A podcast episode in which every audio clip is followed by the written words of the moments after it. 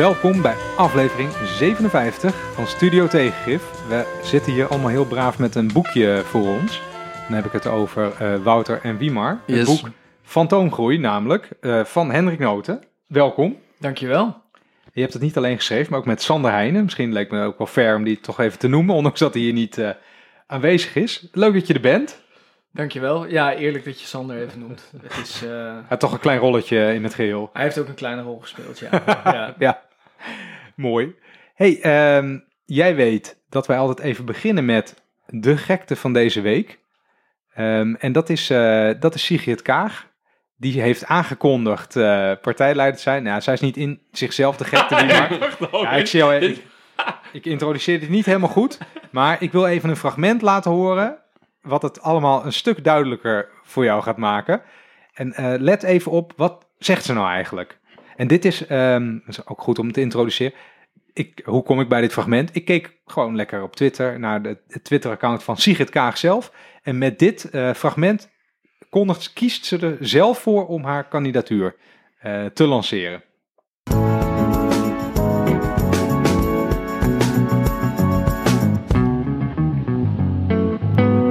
Wordt al eh, lange tijd over gespeculeerd of u wel of niet lijsttrekker van D66 wil worden. Wat gaf uiteindelijk bij uzelf de doorslag om het wel te doen? Ja, ik weet niet of het één factor is, maar ik heb er inderdaad lang eigenlijk mee geworsteld. Eh, ik ging vaak naar bed en dan dacht ik van, nou ja, allerlei dingen. Dit wil ik doen, de houding in de politiek, eh, de waarden. Ehm, en dan stond ik de volgende dag op en dacht ik, nou nee, ik wil iedereen gewoon steunen die dit graag wil. Maar de laatste maanden, al in die aanloop naar de coronacrisis, dacht ik, ik ga het wel doen. Ik stel me kandidaat. Ik wil me echt blijven inzetten voor de waarden, voor houding in de politiek. Echt praten en durven te praten over perspectief. En te leiden en niet weg te kijken, niet de onderbuik laten praten. En Nederland uit de crisis helpen. Echt, in moeilijke tijden gaat het er ook juist om dat je er durft te zijn en niet weg te lopen. Ja, Randy. Het is inspirerend, toch?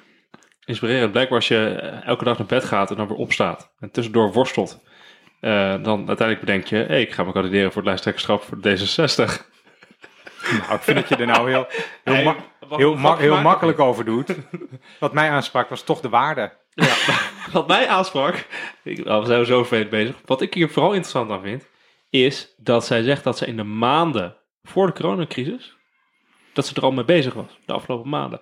Maar eh, drie weken geleden of een maand geleden las ik nog over in de krant, dat ze naar de WTO ging. En toen stond ze nog ergens voor een eh, gebouw heel enthousiast een interview te geven, dat ze misschien wel toch erover nadacht om naar de World Trade Organization te gaan. Dus ik heb zoiets van, wat gebeurt hier? Want dit lijkt me niet helemaal te. Hey, even serieus, Randy. Waarom is dit eh, de gekte van de week? Eh, Ja. Nou, ja, Randy heeft het opgebracht. Randy, vertel even. Ja, ik kom, dit? niet zo vaak met, ik kom niet zo vaak met de gekte. Ehm, nou, ik denk, je bent, maan, je, je bent politicus, een minister, hè, iemand van niveau en statuur. En dan ga je maandenlang nadenken over eh, of je je kandideert. En waarschijnlijk weet je het al heel lang, maar dan ga je vervolgens maandenlang nadenken over hoe je je het beste kandideert. En dan kom je met een filmpje van één minuut, waarin je absoluut helemaal niets zegt. Het is gewoon verschrikkelijk. ik zit te denken, wat was de vraag ook alweer die ze kreeg? Want dit Ik weet het niet meer. Nog- Ik weet het niet meer. en waarom ze besloten hadden het dan toch te doen? Want Ja, er werd allemaal aan over gespeculeerd. geen waarom? Wat, wat, waar, waar wil je naartoe? Ja, ik, Maar was dit door haar zelf gemaakt, dit filmpje? Of was ze gewoon Nee. geïnterviewd ergens? Ze werd door Eva Jinek geïnterviewd, die Oh, aan het begin inderdaad een, een woordje zei. Ik weet niet eens meer wat ze eigenlijk vroeg, inderdaad, nu het zegt. Eh, en toen begon ze een soort riedel over. Ik heb eh, meerdere factoren, ik heb ermee geworsteld. eh, de waarde, ik wil perspectief bieden. Eh, Ja, maar de ja. waarde, zei ze nog een keer. Ik slaap iedere dag, zei ze ook nog. Denk, Maar er nou, zitten er zitten wel wat one-liners in, toch? Dus er zit wel in, eh, ik wil leiden, niet wegkijken. Niet de onderbuik laten spreken. eh, perspectief geven. Bieden. Dat bieden, sorry. Bieden. nou, vind ik wel in ieder geval over nagedacht. Over die, die zinnen, toch? Daar is wel over nagedacht, denk ik. Nou ja, dat, Ja, dat, dat is het erge, denk ik. Dat Ik- hierover nagedacht Ik is. ik vraag ben- een beetje af hoeveel nadenken dit vergt hoor, om tot dit soort zinnen te komen. Het, het gekke is dat ik twijfel heel erg of wij nu een, een rare groep mensen zijn dat wij dit zouden kunnen afkraken omdat het, dat er niks gezegd wordt. Ik denk dat heel veel mensen eh, bij een leider van een politieke partij helemaal niet zo ontzettend op zoek zijn naar een hele nieuwe visie die iemand die leider wil worden opeens gaat uitspreken. Maar vooral op zoek zijn naar, goh, is dit een beetje een competent, betrouwbaar figuur? En ik denk dat Sigrid Kaat best wel een bepaalde vorm van autoriteit, leiderschap, betrouwbaarheid, degelijkheid uitstraalt. En dat ze eh, de mensen om haar heen heel goed begrijpen dat dat is wat ze moet laten zien. Een soort van eh, een, een, ja, eh, een, een, een bewindspersonerigheid. Eh, en dat je daar helemaal niks voor hoeft te zeggen. En ja, dat, dat vinden we politieke jongetjes als wij vinden dat rot. Reddy, jij zat eens te kijken. Wat vind je hiervan? Ik, ik, zit gewoon te, ik zit gewoon netjes te luisteren. Ik, eh, is gelijk, hè, die Welling. Nou, ik, de reden, kijk, de reden waarom ik eh, dit even genomineerd had als de gekte is dat eh, blijkbaar is er na een heel zorgvuldig denkproces komt men tot de conclusie dat je het beste totale leegheid kan bieden. Eh, puur alleen maar louter platitudes. Dat is het beste, dat is het veiligste blijkbaar. Het doet mij een beetje denken aan de speech die Jesse Klaver vorige week volgens mij op een partijcongres hield. Waarbij zijn slotzin ook iets was in de trant van, en ik parafraseer, het enige wat tussen jou en je succes in staat, is je angst om te falen. Oh my god, ja. En daar kreeg ik ook een beetje buikpijn van toen ik dat hoorde. Dus ik denk dat je ook gelijk hebt. Je moet gewoon iets, je zegt iets, je straalt wat uit en wat je precies zegt. Ja. Ja, ik, precies, ik ben het met je eens. Ik denk nu aan het plaatje. Want het plaatje is natuurlijk gewoon Sigrid Kaag. Top diplomaat geweest. Minister van Het Buitenlandse plaatje Zaken. is Hoog geweldig. opgeleid, Ja. spreekt meerdere talen, ehm, vrouw, ehm, zegt nog dat ze inderdaad dat ze leiding wil geven, dat ze toekomst, een perspectief wil bieden, eh, dat ze niet de onderbuik wil laten spreken, maar op basis van feiten en argumenten is natuurlijk wel een, het verhaal is natuurlijk wel mooi, hè? De eerste vrouwelijke premierskandidaat. Nou, maar dat, Dus- dus mag ik daar wat het over zeggen? Het gaat over het, echt over het verhaal, over het plaatje, over het beeld en hoe je het zegt en wat ze zegt. Maakt niet zo heel veel uit. En zelf, ja, dat weten we toch al heel lang, dat dat niet zoveel uitmaakt Nou, wat je ik, zegt. ik wil even zeggen dat ik het ons, het is echt een kom- groot compliment naar de communicatieafdeling Ja. van D66, dat zij is de premierskandidaat, de vrouwelijke premierskandidaat. Terwijl een dag ervoor, of zo, of één, twee dagen ervoor, werd eh, eh, Lilian Marijnissen werd, opnieuw SP-leider. Die partijen zijn gewoon even groot eh, in, de, in de peilingen. Dus eh, de, het ene, de ene dame, ene mevrouw, mevrouw Marijnissen. Totale stilte, krekels, nobody cares. En de andere mevrouw, die is alleen nog maar kandidaat. Hè? En nog niet eens benoemd of gekozen. Eh, dat is de premierskandidaat. En ze gaf ook, eh, en er was, er was iemand die had dat mooi bijgehouden in een eh, soort Twitter-draadje. Ze had er iets van 30 exclusieve interviews gegeven. Ja, ja, dat sloeg natuurlijk ook nergens op. In de zin, eh, de media hebben ze natuurlijk ook gewoon, zich gewoon laten gebruiken hier. Dat is overduidelijk zo. Hè? Dus de D60 heeft gewoon heel goed gespind, de media bespeeld. Het is allemaal gelukt. En je, je weet dus nu ook dat die hele discussie van een maandje terug, dus inderdaad Sigrid Kraag wordt de hoogste baas bij de, bij de. WTO. Dat is ook allemaal gespeeld. Allemaal. Alleen maar theater om haar neer te kunnen zetten als een grote dame, die nu dus eh, premierskandidaat zou moeten zijn. Wat natuurlijk eigenlijk totale onzin is als je kijkt wat de peiling van D66 Tien is en wat de mogelijkheden Ja. voor D66 zijn, is natuurlijk nul kans dat Sigrid Kaag eh minister-president wordt. Mag, ik- mag ik dan toch ook nog op één strategische fout? Laten we het dan even puur op het beeld nu hè? eh, be- beoordelen, want eh, dat, dat is wel hoe ze het willen. Ehm, het verwijt wat haar vaak raakt is dat ze elitair is. Dus wat doen ze dan? Eh, dan zit ze daar in dit eh, gesprek, een sollicitatiegesprek in feite, heeft ze gimpen aan. Snap je wat ik, waar ik heen wil? De enige mensen die op gimpen naar een sollicitatiegesprek kunnen, te gaan, eh, kunnen gaan, dat zijn de mensen die denken, ik heb dit al lang in de pocket.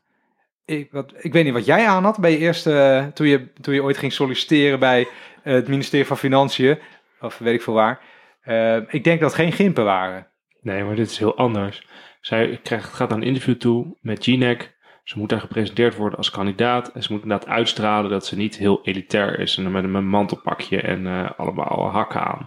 Dus ze wordt er gewoon met gimpen neergezet. Om te laten zien van, ik ben ook een beetje volks. En ook heel normaal in het dagelijks leven. Ja, want ik draag gimpen naar een, eh, Ja, toch? Daar wordt Ja. over nagedacht, hè, over je sokken en over je das en over of je wel of geen paraplu bij hebt of met je fiets naar je werk gaat, zoals onze Markie en zo. Er wordt over nagedacht. Ga- gaat ze het winnen, denk je, Hendrik? Nou, het lijkt me niet. Maar ik ben het helemaal met jou eens dat, dat het weergaloos is hoe iemand die kandidaat is voor de zevende partij in de peilingen. Ik weet het niet eens uit mijn hoofd. Hoe die gewoon wordt gepresenteerd als potentiële premier. Ik vind het echt dik vet compliment. Eh, maar het, het lijkt me toch niet echt aan de orde. Tenzij, en die discussie zou je kunnen voeren, hè, of Nederland heel erg zit te wachten op een vrouwelijke premier. Ehm, Nou ja, daar zijn we wel wat laat mee. Daar zijn we dan heel laat mee. En we hebben er ook al best wel kansen voor gehad. Dus tot nu toe is dat nooit echt gebleken. Ik denk aan Femke Halsema of Jolande Sap of weet ik veel wat. Nee, ik denk dat uiteindelijk gaat het toch ook echt onder verhaal. Dus ik ben wel heel benieuwd of ze overeind gaat blijven als het straks eh, iets kritischer wordt dan Eva Jinek het deed eh, tijdens het interview. misschien gaat ze van fantoomgroei wel een punt in haar verkiezingsprogramma maken. Bruggetje. Jeetje, Bruggetje. Wat een Bruggetje, Ik hoop het. Ik hoop het. En ik adviseer het er ook natuurlijk. Dit, dit eh, Wouter, die, die, Houten, je leert, aflevering 57. Wat een goed bruggetje was dit. Geweldig. dit, dit is weer een bruggetje van het kaliber plank over de sloot. Maar daar- we, we schuifelen er dan toch maar overheen. Wij, ik zei al, wij, wij zitten hier allemaal heel braaf met een, eh, met een boek eh, voor onze neus. En dat boek heet Fantoomgroei. Landelijk succes tot nu toe, toch? Een groot succes, ja. Want jij, Jesse, je maakt inderdaad een eh, opklimmende lijn in mediaoptredens. Want je werd genoemd in de Volkskrant. Je zat eh, bij Op 1 en nu zit je hier. Ja, Gefeliciteerd. ik zat nog wel bij Radio 1, maar dat, het verbleekte allemaal bij jullie, eh, jullie performance hier. Ja, dankjewel. Nou, we zijn, we zijn heel, blij, eh, heel blij dat je ook voor deze eh, kleine en bescheiden podcast eh, tijd maakt. Dit boek heet Fantoomgroei. Misschien is dat gewoon een goede eerste vraag. Wat is fantoomgroei? Ja, nou dat is een heel concreet eh, verhaal. Het, het, eh, waar het eigenlijk vandaan komt is, ehm, Sander en ik begonnen met een, met een vrij simpele, maar ook totaal onoverzichtelijke vraag. Namelijk, hoe kan het dat we als land aan de ene kant op papier eh, ongelooflijk rijk zijn, maar dat als we de krant openslaan, dat we ook zien dat de voedsel- voedselbanken nog nooit zoveel klanten hadden als vandaag de dag. Dat we mensen hebben, ontzettend veel mensen met problematische schulden. Dat jongeren geen huis kunnen, kunnen krijgen. Dat zoveel mensen op een flexcontract werken. Dus wat is dat eigenlijk voor gekke tegenstelling? En op een dag zaten we op een eh, terras in Amsterdam. Ik heb het ook geschreven in het boek.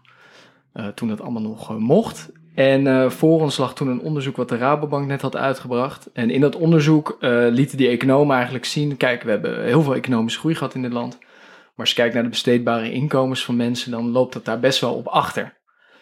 En toen dachten we eigenlijk van ja, dit, dit hele verschijnsel van dat we heel rijk zijn, eh, maar op zoveel manieren dat niet terugzien, dat is al heel moeilijk om uit te leggen. Het is al, heel veel mensen haken ook af als je het uitlegt. Dus we dachten eigenlijk hebben we een woord daarvoor nodig om dat te kunnen uitdrukken.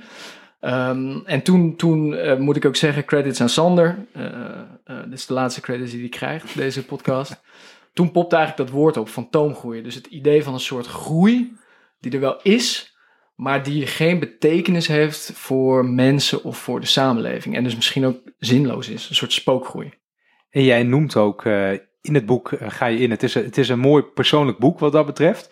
Eh, maar ga jij ook in op hoe je zelf werkte, in, niet meer, maar toen wel in de Malitoren. Eh, misschien kan je zelf het beste vertellen hoe jouw werk toen jou eh, nou, je negatief inspireerde misschien, om dit boek te gaan schrijven. Ja, nou ook positief. Laat ik eens proberen het goed uit te leggen.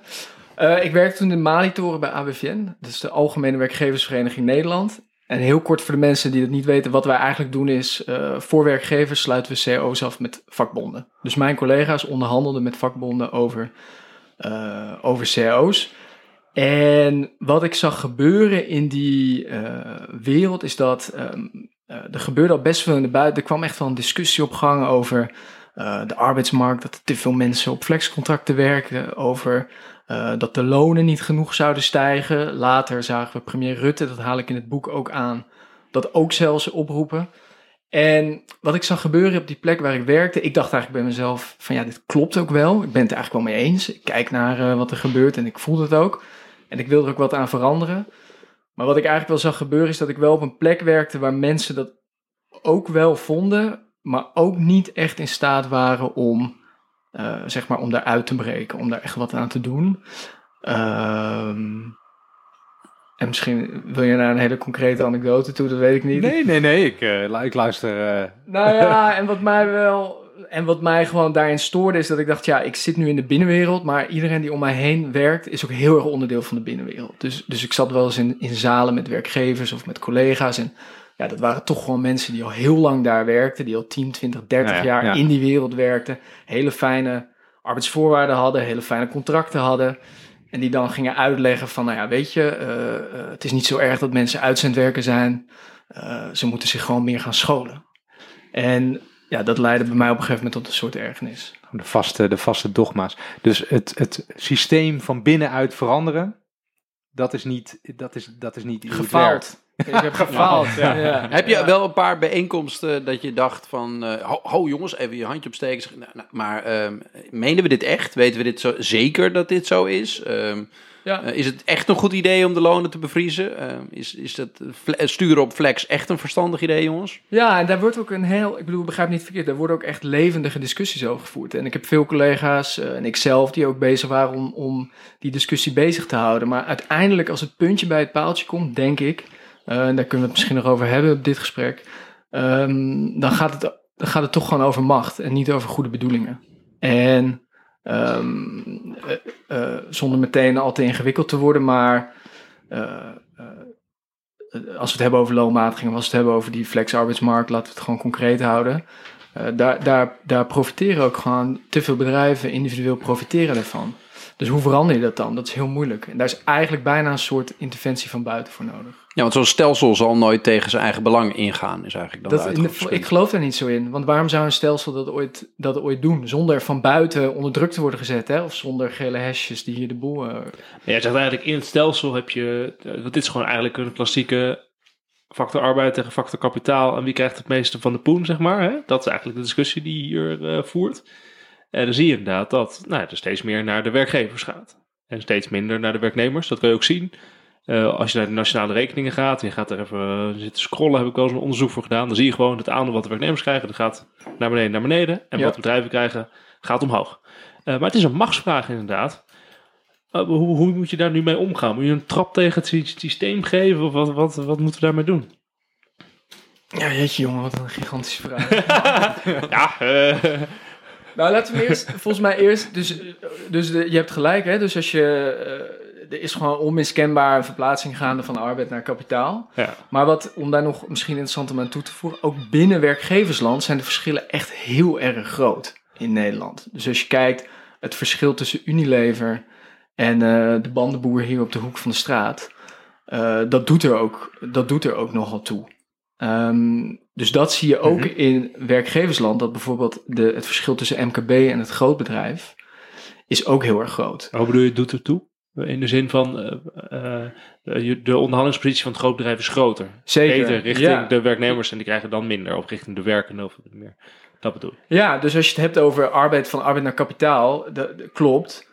Maar ik zou niet, eh, als ik hier naar de garage op de hoek loop, weet ik niet of dat hier het geval is, zeg maar. eh, van de man die hier eh, gewoon als ondernemer aan de slag is. Dus dat, dat maakt het ook zo ongelooflijk moeilijk af en toe. Dat je het ook, je wil er een hele grote term over spreken, dat moet ook. Ehm, maar je moet ook nog oog hebben voor die, voor die verschillen ertussen. En dat gaat, ook, dat gaat uiteindelijk eigenlijk ook om macht. Ja, want je zou, je zou kunnen zeggen dat ook aan de.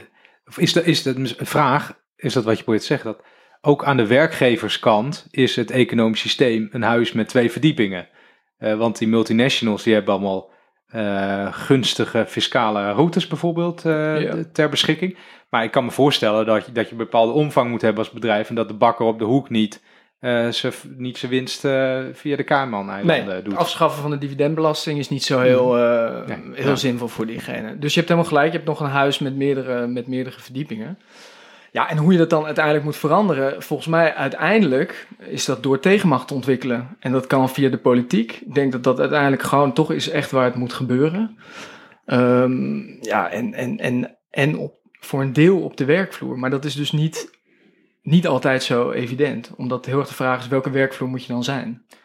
Nou misschien is het aardig om even in te zoomen op de rol van de, de vakbonden, eh, die ook in het boek eh, genoemd worden. Het akkoord van Wassenaar wordt als een soort startpunt van deze eh, groeiende ja, hoe moet je, wat is het goede woord? Achterstelling. Kunnen we dat, eh, Fantoomgroei. Kunnen we dat als bekend aannemen, wat dat is? Eh, Nou ja, het eh, zal, ik het proberen uit te leggen, dan pak jij hem over. Het akkoord van. Wassenaar was in 1982, geloof ik, een akkoord tussen de werkgevers en de werknemers eh, om het probleem van teruglopende bedrijfswinsten op te lossen. En de gekozen oplossing was loonmatiging. Eh, volgens mij hebben we hier wel eens eerder genoemd dat loonmatiging sindsdien een beetje de Haarlemmer olie van de Nederlandse economie is geworden. Wat zogenaamd tegen alles zou moeten helpen. Eh, maar wat er misschien nu in geresulteerd heeft dat ehm, de werkende mensen, en dan heb ik het echt niet, eh, als je dat zegt, als je dat woord trouwens zegt, dan denken mensen vaak, dat gaat niet over mij. Dat gaat over mensen met, met een kutbaantje. Maar eigenlijk iedereen die, die voor geld werkt, is afhankelijk van loononderhandelingen en dergelijke. Maar goed, met dat tussenstapje. Jij, jij noemt, of jullie noemen het in het boek als, als het beginpunt van fantoomgroei, inderdaad. Want eh, hebben vakbonden het laten liggen dan? Eh, ja, denk ik wel. Maar ik weet niet of je dat op die manier... Ja, ze hebben het laten liggen. Dat is eh, denk ik het korte antwoord. Volgens mij, om in, twe- in tweeën... Ja, dus Nederland heeft een soort... Sinds de jaren 80 hebben we gedaan... Het ging toen heel slecht ook hè, met de economie. Laten we dat ook voorop stellen. Die industrie die donderde ook echt in elkaar. Dus het is logisch dat mensen iets wilden doen. Maar wat interessant is, is dat op een gegeven moment zo'n idee, zo'n concept... Dat, wordt dan, dat krijgt een soort mythische status bijna. Hè? En dus, dus we hebben toen in begin jaren tachtig zijn we de lonen gaan matigen. Vervolgens ging het beter met de Nederlandse economie. Het is ook maar heel erg de vraag of dat überhaupt daardoor komt. Daar is best veel discussie over. Maar dat idee is toen wel, ja, maar dit, dit is vanaf nu het medicijn. Het helpt tegen alles. Het helpt tegen alles. En de vakbonden hebben het denk ik wel laten liggen. Want als je ziet, de jaren 80 loonmatiging was het recept. De jaren 90, zodra het even slecht ging met de economie, loonmatigen. Wim Kok tot diep in de jaren 90 pleit hij voor loonmatiging. Eh, ja, ik pak dan links iets harder aan dan rechts, omdat ik vind van, als het ergens tegen zou moeten worden gehouden, was het daar. In 2004 neemt Wouter Bos pas afscheid van loonmatiging als eh PvdA-leider. Maar in 2008 haalt hij het gewoon weer terug. Dus dan is het weer Mhm. crisis en dan zegt hij, nou, we moeten toch weer de lonen gaan matigen. Dus ja, je zou wel denken dat ergens in die periode van eh 25, 30 jaar, dat er wel vanuit zeker vakbondshoek of linkse hoek, dat, dat er wel iets eerder eh, men had mogen denken, nou misschien zijn we niet helemaal met de goede Dat dingen komt ook door de boodschap hè, die achter loonmatiging erbij zat. Dus eh, loonmatiging stopt natuurlijk voor, ja, dan kunnen we meer exporteren. Dus dat levert Ja. ons meer geld op. Ja. De loonkosten van bedrijven gaan omlaag. Levert ons levert ook meer ruimte voor bedrijven. Maar vooral, het zorgt ervoor dat we werkgelegenheid behouden. Hè? Als we lonen voor de ene verlagen, dan kan de ander toch meer uren blijven werken. Of niet ontslagen te worden. Ja. Dus dat, dat verhaal wordt nu een beetje in de achtergrond gedrukt. In hoe je het vertelt. Maar dat is natuurlijk de, de power van loonmatiging. Dat dat er allemaal nog, nog bij zit. Hè? Dus op het moment dat jij je loon niet matigt, worden wij werkloos. Ja, dan maak je er ook een soort, een soort Ja. verhaal van. Solidariteitsvraagstuk. Solidariteitsvraagstuk wordt het dan. Hè? Dus je, je, wij zijn de loon aan het matigen, zodat andere mensen niet werkloos Ja, worden. dus je bent onsolidair Dus je bent- als je, als ja, je een land ja, dat is het verhaal wat erachter zit. Dat is het verhaal wat erachter zit natuurlijk. Het is goed dat je dat toevoegt, dat klopt.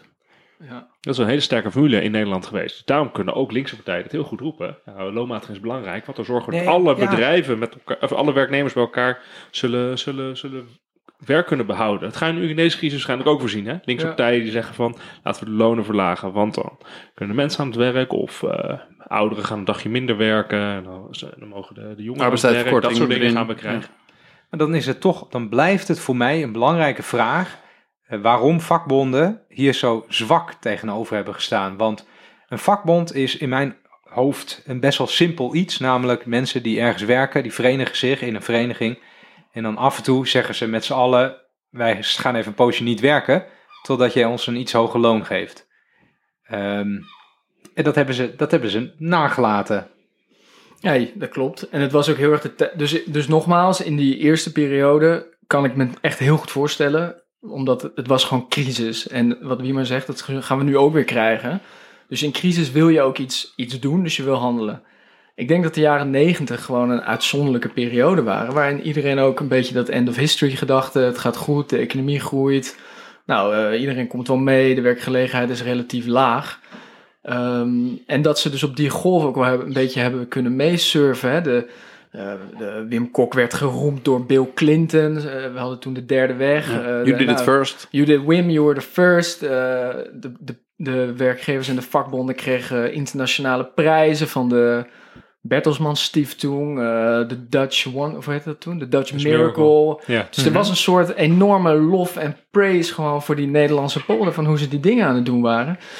Ja, en ik denk dat die mensen daar uiteindelijk gewoon ja, te lekker en, en, en te makkelijk in mee zijn gegaan. Nou, dat je geloof je ook in het verhaal en niet meer in wat er daadwerkelijk gebeurt. Dat ja, je gelooft in het verhaal. Je ziet ook dat die arbeidsmarkt in die tijd is gaan flexibiliseren. Daar deden die vakbonden uiteindelijk ook aan mee. Daarvan dachten ze ook van nou, ja, misschien is dat toch wel een goed idee. Misschien Ja. is het wel die wendbaarheid van het bedrijfsleven een goed idee. Het zijn allemaal dingen waar, waar je nu tegen bent. De vraag is alleen, als je het helemaal uit handen hebt gegeven, eh, hoe krijg je het dan nog Er terug? zit een heel duidelijk tijdgeest-element in. Hè? Dus dat je nu zit je juist in de tijdgeest waar we... Het is nu weer crisis, ineens gaan we roepen... Oh, we gaan investeren in, eh, in, in groen, in duurzaamheid investeren. Misschien moeten we de woningbouwproductie op peil houden. De reactie Eh, nu. misschien moeten we de begroting toch maar even ver verslechteren... om te zorgen dat de werkgelegenheid en de bedrijven eh, eh, behouden blijft. Dus je ziet een heel ander soort reactie dan hiervoor. Dat komt ook omdat er andere verhalen op de plank liggen... met zo'n eh, Matsukato en eh, welke Ja. econoom heb je nu? Kate Rayward, al die...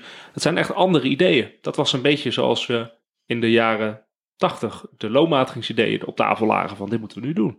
Ik denk dat het ook meespeelt. Ik word ineens heel beschouwend. Ik weet niet waar dit vandaan Ik komt. vind het, oh, ik vind Ben het je wel normaal lomper? Is dat, eh, Ik vind het ook wel een leuke vraag die ik wilde stellen. Is, ehm, eh, jullie beschrijven ook een beetje hoe de ideeënvorming van eh, een beetje de, de neoliberalen als het ware...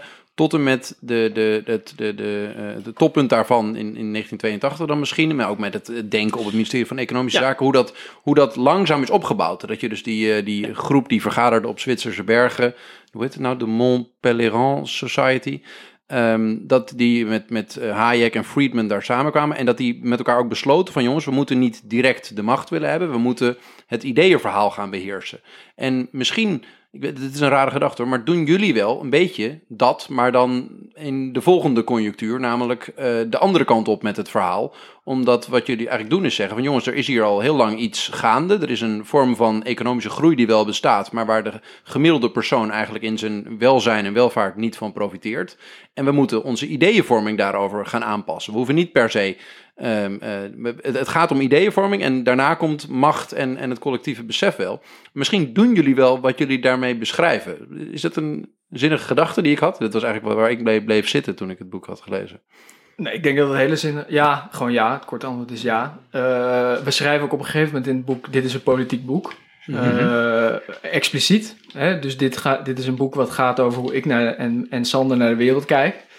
Je kan ook zeggen, ik vind het bullshit. Ehm, maar die ideeënstrijd, ik denk dat dat uiteindelijk wel is waar het over gaat. Eh wie maar zei het net mooi. Er zijn gewoon verschillende verhalen altijd, volgens mij, over hoe de wereld eruit moet zien. En de vraag is, welk verhaal komt op welk moment bovendrijven? Ja. En dat is, da- daar werken mensen aan mee. Dat zijn wij nu ook aan het doen. Dat doet dit boek ook. Maar dit boek staat op de schouders van echt honderden geweldige denkers die dat al aan het doen zijn. En levert een hele kleine bijdrage. En om dan wel toch nog heel veel het bruggetje naar Sigrid Kaag te maken aan het begin. Oh, ja, lekker. We gaan er klaar voor zitten. nou ja, Oké. dat vind ik wel het kwalijke aan politici. Die proberen zoveel mogelijk ideeën weg te laten uit hun, eh, uit hun communicatie of uit hun verhalen. Omdat als je dat namelijk doet, dan ben je in feite niks anders aan het doen dan de status quo vrij baan, ruim baan aan het geven. Oh, marketing voor de status quo.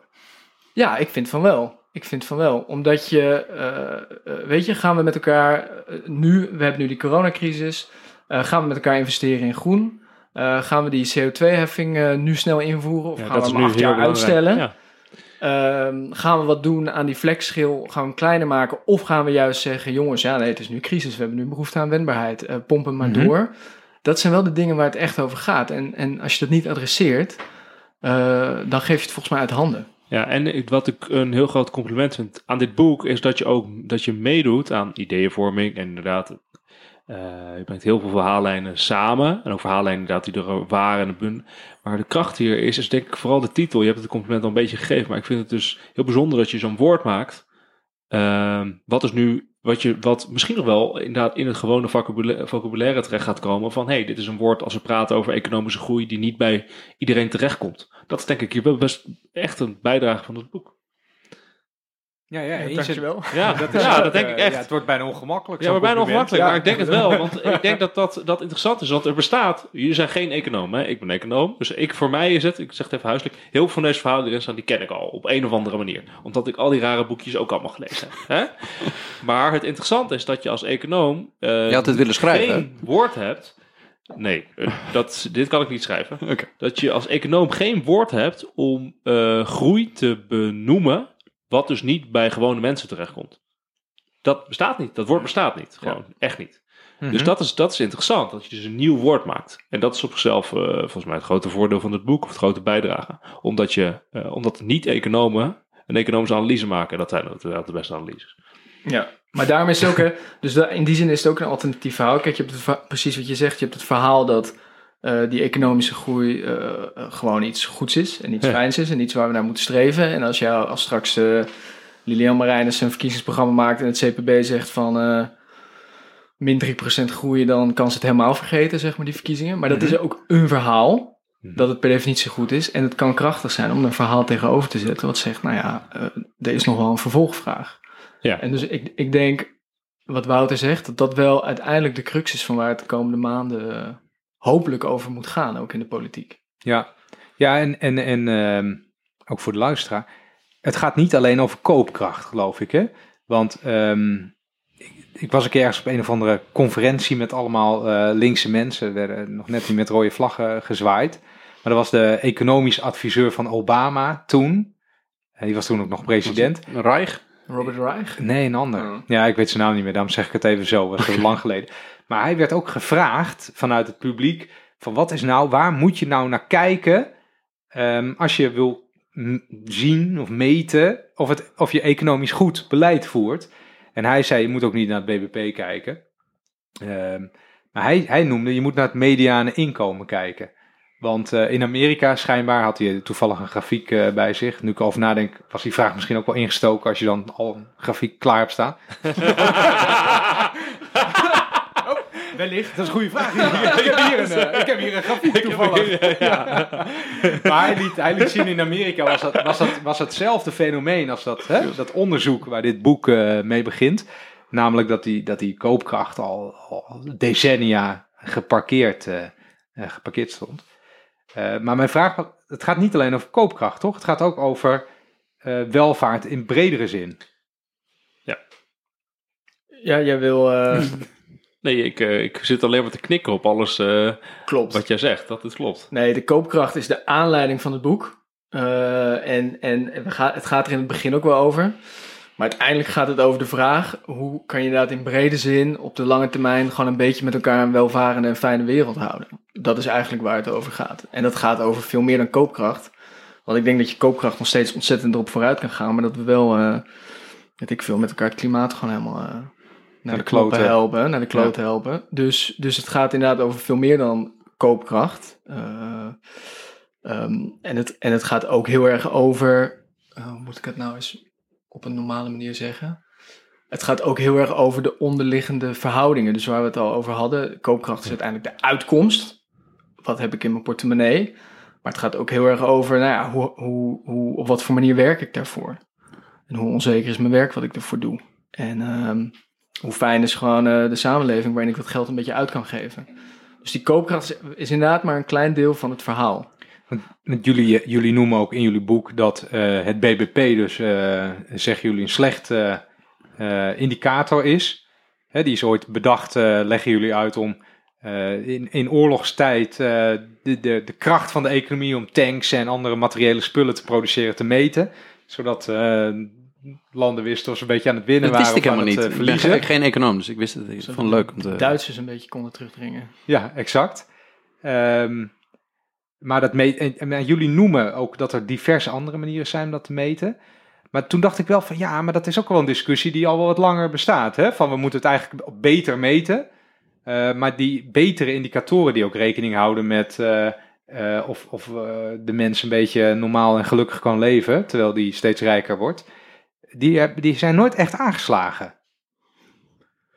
Eh, Nee, eh, althans niet zozeer hier. dus er zijn allerlei andere manieren om dat te meten. Het Centraal Bureau voor de Statistiek publiceert bijvoorbeeld al een brede welvaartsmonitor. Volgens mij heeft de Rabobank ook allerlei, volgens mij ook hun eigen iets vergelijkbare methode ook gebouwd. Dus er zijn allerlei andere manieren om naar die dingen te kijken. Maar de vraag is uiteindelijk wel, wil je dat als politiek ook? En durf je het ook aan om, eh, om dat gewoon ook echt te gaan doen? Want daar, daar zit natuurlijk uiteindelijk wel de crux in. En ehm, de premier van Nieuw-Zeeland wordt natuurlijk heel vaak bezongen de laatste dagen vanwege haar corona-aanpak. Jacinda Ardern. Ehm, maar zij heeft bijvoorbeeld die stap wel gezet om, om, om te zeggen: nee, ik ga het echt op een andere manier doen. Nou, het moet blijken of dat succesvol is. Dat weet ik, dat weet ik gewoon ook niet. Maar er, er moet wel een soort eh, politieke druk zijn om die verandering ook aan te gaan. Eh, en ik denk ook dat, dat mensen als wij, gewoon het electoraat, kiezers, spelen daar denk ik ook een, ook een rol in. Ehm, en het wordt er ook niet makkelijker op, hè? want als je één cijfer hebt waarin je succes kan afmeten, dat is best overzichtelijk. Ja. Plus Ja. 2% groei, we doen het goed. Nou, lekker. Ja, het is wel interessant, eh, even meer aan, op aan te sluiten, is dat, dit wordt een beetje ook proefschriftverhaal, maar hoe je het zegt over de doelen die je kan nastreven. Want je hebt in Nederland, heb je het Centraal Planbureau, die, die rekent de verkiezingsprogramma's door. Op economische groei en op werkgelegenheid, op koopkracht, eigenlijk alles wat met financiën te maken heeft en BBP. Ja.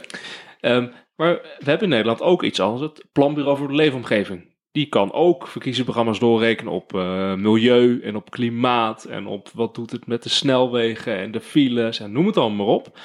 Luistert staat al heel naar. lang. Luistert Al sinds niemand naar. 1994 GroenLinks heeft gezegd... wij willen niet alleen met CPB meedoen... maar ook met Planbureau voor Leefomgeving. Want er is veel meer dan alleen economie. Er is ook iets groens, zeg maar. Maar nog steeds is het zo dat lang niet alle partijen in Nederland... hun verkiezingsprogramma laten doorrekenen... door het Planbureau voor de Leefomgeving. Dus de politiek kiest er heel duidelijk voor... om die doelen, in ieder geval een gedeelte... niet belangrijk te vinden. Dat vind ik interessant in jullie boek. Daar zijn we het helemaal mee eens. Je schrijft ergens eh, dat er eigenlijk geen economische wetenschap is... maar alleen politieke economie. Nou, dat hebben wij het heel vaak hierover gehad. Dus het, er bestaat niet alleen als economie, maar je moet politieke doelen stellen die je na wil streven eh, als econoom. Of je noemt het eigenlijk, heb je het over van de problemen die je wil oplossen of de politieke doelen. Het probleem is gewoon in Nederland, de macht ligt zo dat inderdaad partijen die de macht hebben, blijkbaar die andere doelen niet belangrijk vinden. Dat is wel, je kan het in Nederland gewoon zien. Ja, Eh, in ja. Nederland is al langer discussie over brede welvaart. We doen er alles aan met een beetje meten om, het, om toch andere dingen dan BBP eh, Mhm. te laten zien. Maar op een of andere manier durven politici het niet aan om daar ook echt een stap in te Ik zetten. heb, ik heb ook wel eens de assumptie, dan denk ik dat er iets achter zit. Dat, dat veel van de vermogenden in Nederland, of in ieder geval de mensen die opkomen voor de vermogenden, dat die ook een soort verslaving aan het concept van groei hebben. Waardoor dit, de, de dingen die jullie in het boek Fantoomgroei benoemen, ook heel vaak wel bekend of soms zelfs evident voor heel veel mensen zijn. Maar dat het helaas gewoon niet binnen het verhaal past dat wij nou eenmaal vertellen om de mensen die we vertegenwoordigen eh, hun belangen goed te dienen. Dus dat er een soort van verslaving is aan het idee dat, het, dat er groei moet zijn. En dat hoe die groei terechtkomt eigenlijk een vrij overbodige vraag is. Dat, dat de, als je een, een- vermogende groep mensen hebt die veel van de buiksprekers zijn van de mensen die het voor het zeggen hebben, dan is het gewoon heel lastig om dat verhaal te gaan vertellen. Want het is niet in jouw belang. Punt. Ben ik dan heel radicaal? Dat ik eigenlijk. eh, Ik moet daar het antwoord op geven. Nou, ik gooi vaak gewoon Ja, ballen in de ik zeg het eh. eens. nou, Dat was gewoon een lekkere tirade, was dat. Zeker dat ik een punt heb, eh Hendrik. Bent u het daarmee eens? Ja. Ja, ben ik het mee Zijn ze het er eigenlijk ook mee eens in de Malitoren? Maar kunnen ze dat gewoon niet zeggen, omdat het niet mag? Ja, ik denk wel. Nee, ja, ik denk, ik ben het met je eens. Kijk, ik denk, A, het kan. Kijk, het feit is gewoon, het kan gewoon anders. Punt. Het, het- de vraag is alleen, hoe gaan we het met elkaar veranderen? Daarom is dit een politiek boek. Mhm. Ik vind dat we dat moeten veranderen. Vervolgens zijn er heel veel mensen die er in ieder geval denken belang bij te hebben dat het niet verandert. Of dat het simpelweg, het is gewoon niet zo'n gemakkelijk verhaal om te vertellen. Want als je zegt, ja, misschien moeten we iets anders dan groei. Ik ben geboren in de jaren negentig. Eh, weet je, ik ben gewoon met, met één ding opgevoed. Al mijn economielessen gingen maar over één ding. En dat is niet dat het eigenlijk politieke economie is. Of dat er misschien andere doelstellingen zouden moeten zijn. Het is gewoon, hier heb je vraag, hier heb je aanbod en de economie moet groeien. En succes ermee. Ehm, dus, dus ik denk ook, het, gaat om macht, maar het gaat dus ook om gewoon continu met elkaar proberen een ander verhaal te blijven vertellen. Ik vraag me bijvoorbeeld af hoeveel politici die bijvoorbeeld helemaal geen belang bij hebben, laten we zeggen aan de linkerkant van het spectrum, in hoeverre die gewoon al zo ver zijn. Ik, ik weet het niet hoor. Het is gewoon, het is, het is een vraag. Ik vind het een hele goede vraag, want ehm, je noemt Wim Kok eh, als, politi- nee, als vakbondsleider komt voor in dit boek en dan ook als politicus houdt hij vast aan dat, aan dat beleid. Eh, maar dat was ook in het, volgens mij noemde men dat toen ook biefstuk socialisme. Eh, de, en de, de echte sterke basisaanname was, waar al het, hè, al het politieke beleid op gebaseerd was, dat als de economie groeit, dan krijgt eh, de werkende mensen het beter. Trickle Punt. down, trickle down. Ja, nou het is niet eens tri- trickle-down, is nog van als de, als de miljardairs rijker worden, Ja, dan ja, wordt iedereen ja. rijker. Maar de taart Dit- moet groeien. Ja, dit, precies. De taart moet groeien en dan wordt iedereen een stukje eh, groter. Maar ik denk dat je nu, nu langzaam, of langzaam, nou, we, laten we zeggen, we zijn nu wel op het punt gekomen dat duidelijk is dat dat niet zo is. Hè, er zijn je, dat Rabo-onderzoek, tenminste, ik weet niet of we dat goed geïntroduceerd hebben, maar in het begin van het boek wordt een onderzoek genoemd waar jullie gechoqueerd door waren, eh, in mijn woorden. Namelijk dat mensen dus al 40 jaar eh, geen vooruitgang boeken in hun besteedbaar inkomen. Heb ik heb besproken in de podcast trouwens. Afdeling belastingen.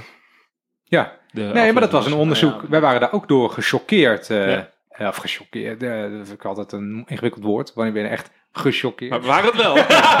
ja. ja. Nee, maar de belastingen zijn, ja, daar weet wie maar veel meer vanaf, eh, veel meer vanaf dan ik.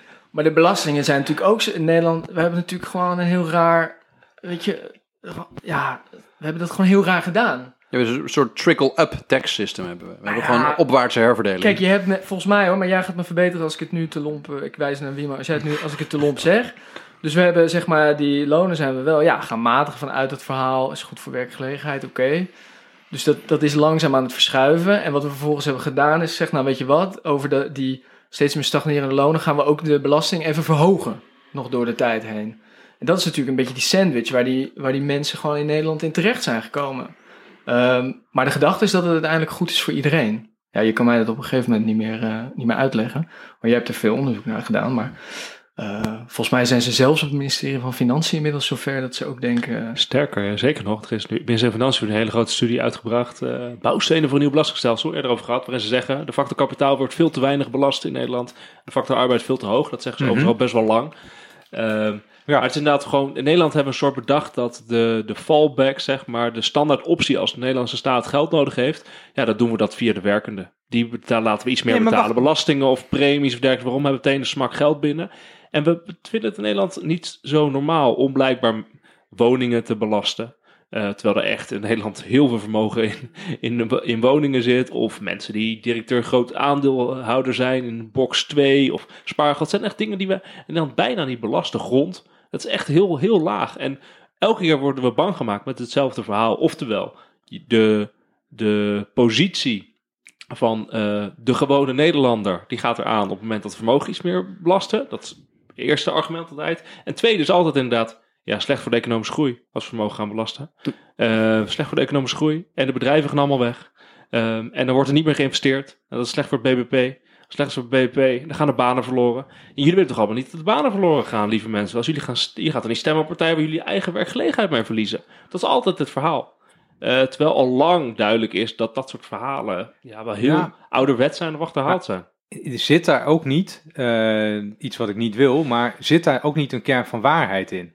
In de zin dat als je eh, het bedrijfsleven, het internationale bedrijfsleven, Zeker. Dus ik maak even echt onderscheid tussen de, de, de, de MKB'er en eh, de Ja, de, multinational. verdiepingen, de twee verdiepingen waar ik het net over had. Dat Ja. is hier belangrijk natuurlijk. De MKB'er die wel of niet kan bewegen uit Nederland. En de multinational die wel maar als ik. Unilever ben, goed Ja. voorbeeld in dit Ja, dan moet je de geval. dividendbelasting En, afschaffen, anders eh, gaan ze naar de belastingen hier, ik zit in Nederland, ik zit lekker in Nederland. En de belastingen hier worden verhoogd. Dan zeg ik, oeps, nou zit ik in Londen. Precies.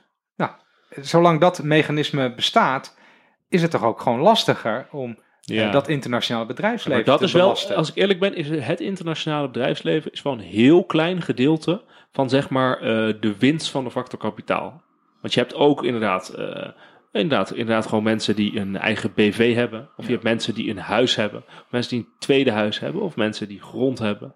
Of mensen, noem het allemaal maar op. Dat is, eh, veel spaargeld. zijn ook allemaal mensen maar die zou je dan kunnen geld zeggen, kunnen belasten. Alleen worden altijd bang gemaakt met... Oh ja, de grote bedrijven die gaan naar het Die buitenland. En de miljonairs gaan ook allemaal verhuizen. Dat zijn de twee voorbeelden die we krijgen.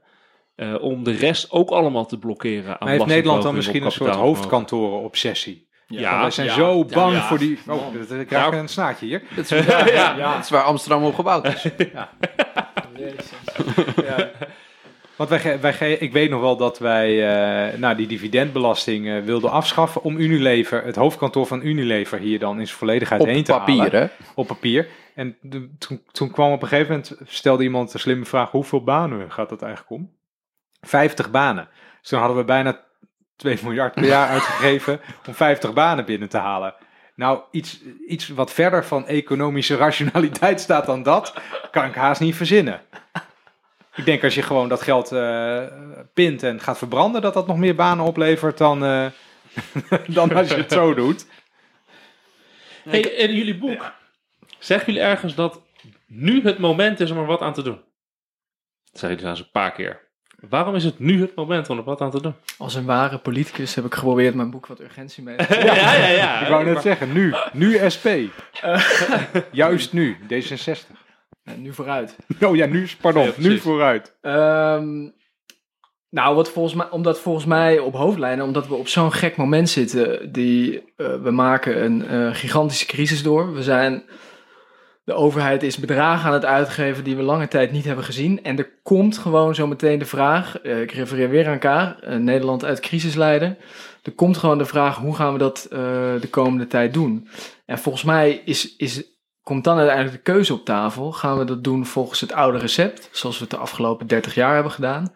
Of gaan we nu andere, andere keuzes maken? En ik denk dat bijvoorbeeld op het gebied van nu het, het investeren in vergroening. Eh, ja, dat moet, het moet gewoon nu gaan gebeuren. Ja. Ja. je kan klimaatontkenner zijn, dan hebben we een ingewikkeld gesprek. Maar er is gewoon heel weinig tijd meer. En als we dan gaan dat geld uitgeven en als we dan met elkaar die inzet gaan doen om Nederland daadwerkelijk uit de crisis te krijgen, dan moet het volgens mij ook nu op de goede manier gebeuren. En ik, ja, ik zou er wel een hard hoofd in hebben als we het nu stel dat we zouden aanpakken zoals na 2008. Ja, dan heb ik er wel een heel hard hoofd in over wat voor gesprekken we hier over vijf jaar weer met elkaar zitten Ja. te voeren. Er zijn hele mooie eh, onderzoeken gedaan naar eh, eh, de macht van economen binnen de overheid. Dus de adviseur, economen, de beleidseconomen binnen de overheid en de centrale bank. Ja, ben ik Mooi benieuwd. boek. Ja. The Power of Economists Within the State, of zoiets dergelijks heet dat. Een boek van een, van een, een Zweedse, volgens mij een Zweedse collega aan de Universiteit Leiden. Mooi boek. Maar die laten zien dat de school van de economen in een land enorm bepalend is voor hoe je, wat voor keuzes je maakt als land. Zowel om uit de crisis te komen als structureel beleid. En het interessante is dat de ideeën van economen kunnen dus ook veranderen. En dat is wel mooi om nu te zien, dat je nu in zowel Nederland, maar ook in Europa, hele veranderingen ziet in de economen die in de beleidsdirectie zitten. Dus Duitsland is nu het grote verhaal. Hoe komt het dat Duitsland van de, de zwarte noeden, Ja. dat ze daarvan af zijn dat ze nu allemaal geld gaan uitgeven, terwijl het tien jaar geleden echt niet kon? Ja, omdat er nieuwe hoge eh, ambtenaren zijn, economen met andere ideeën. Het mooie Mhm. is dat dat nu in Nederland, dat komt waarschijnlijk ook wel door die economen die je net noemde, zo'n Matsukato en zo'n Rayward en nog heel veel andere. Eh, in Nederland hebben we het nu ook. De Nederlandse Bank. Heb je het interview afgelopen week gezien? Volgens mij de Volkskrant. Van een, directie, van een directielid van de Nederlandse Bank. Die zegt van dit is het moment nu om Ja. groene investeringen te gaan doen. Je moet nu gaan investeren. En in de woningbouw. eh, nee, dat. eh, dit is heel erg. In de NRC was het volgens mij. Maar maakt niet uit wie het was. Olaf Sijpen, volgens mij. Die. Olaf Sijpen, Ja. Olaf Sijpen. En dan denk ik, van, ja, dat is dus een nieuwe econoom.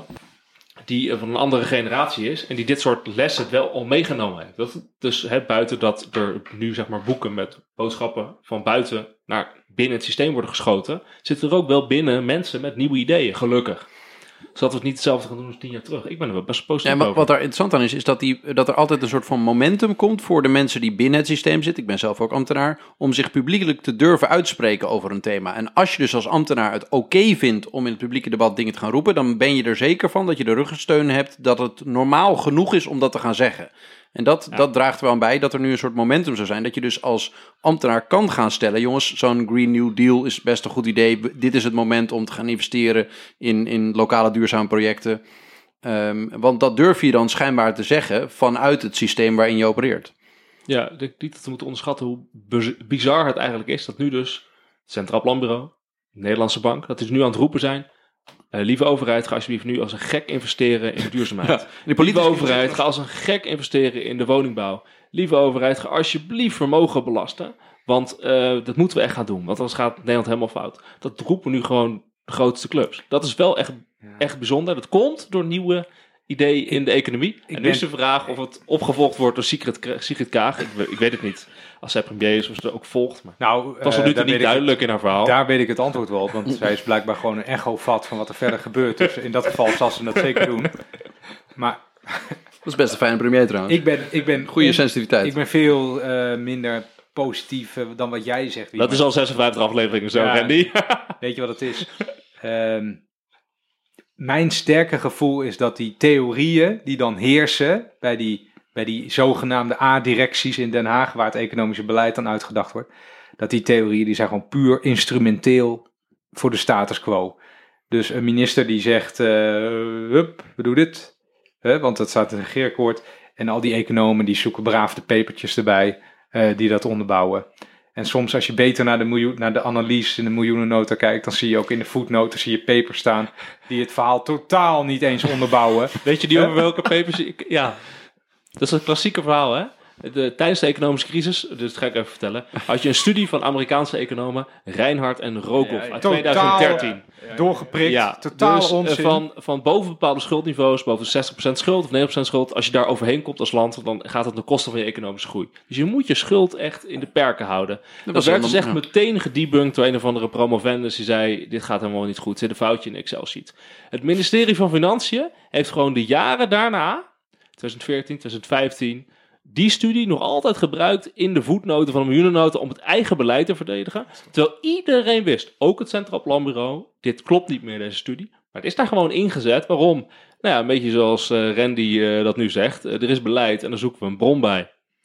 Dat dat vind ik wel treurig. Vind ik Ja, maar wat, treurig. wat gaat er dan om in de hoofden van die mensen? Dat is een beetje zo van, ja nee. Ik weet niet, jij bent de ambtenaar. Wat gaat er om Ik het hoofd van de ambtenaar? Ik, geloof, dat is een beetje, ik geloof eigenlijk niet meer in Sinterklaas. Want ik heb, ja, laatst gezien zag ik mijn pa dat pak aantrekken.